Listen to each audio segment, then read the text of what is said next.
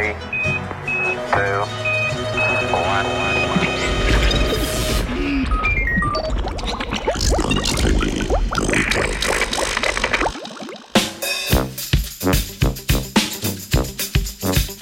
Dobro jutro, danes v Britofu človeška samoudomačitev.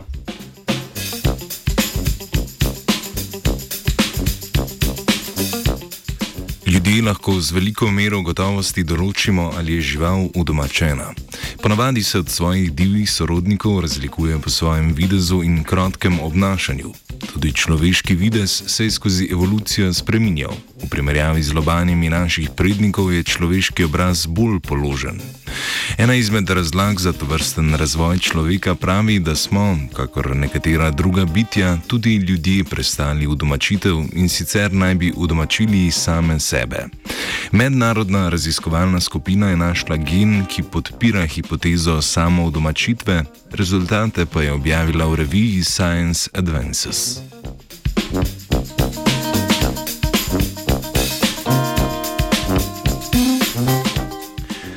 Predhodno raziskovanje je že pokazalo vpliv gena BAS1B, ki se pri nekaterih genetskih boleznih odraža v nepravilni obliki lobanje in obraza ter bodi si pretirano krotkem, bodi si pretirano agresivnem obnašanju.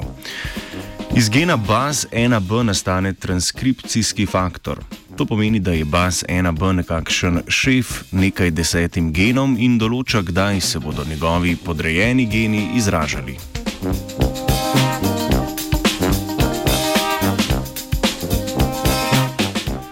V novi raziskavi je znanstvena skupina spreminjala količino transkripcijskega faktorja, ki nastane iz baz 1B. Na to so spremljali premikanje celic neuralnega žleba, ki imajo sicer zelo pomembno vlogo pri razvoju zarodka, predvsem pa vplivajo na lastnosti lobanje in obraza. Za povrh so še vizualno in genetsko primerjali lobanje neandertalcev in modernih ljudi.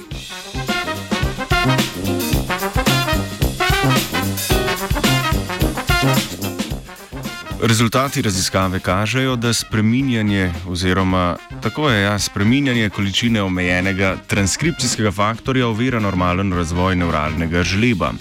BAS1B je eden izmed genov, ki je pri udomačevanju igral pomembno vlogo, saj več različic tega gena lahko najdemo pri skoraj vsakem človeku.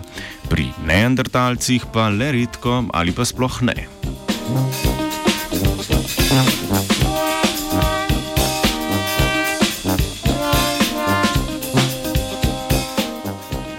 Znanstvena skupina je zaključila, da imata gen BAS1B in količina transkripcijskega faktorja, ki iz gena nastane, pomemben vpliv na razvoj in evolucijo modernega človeškega obraza.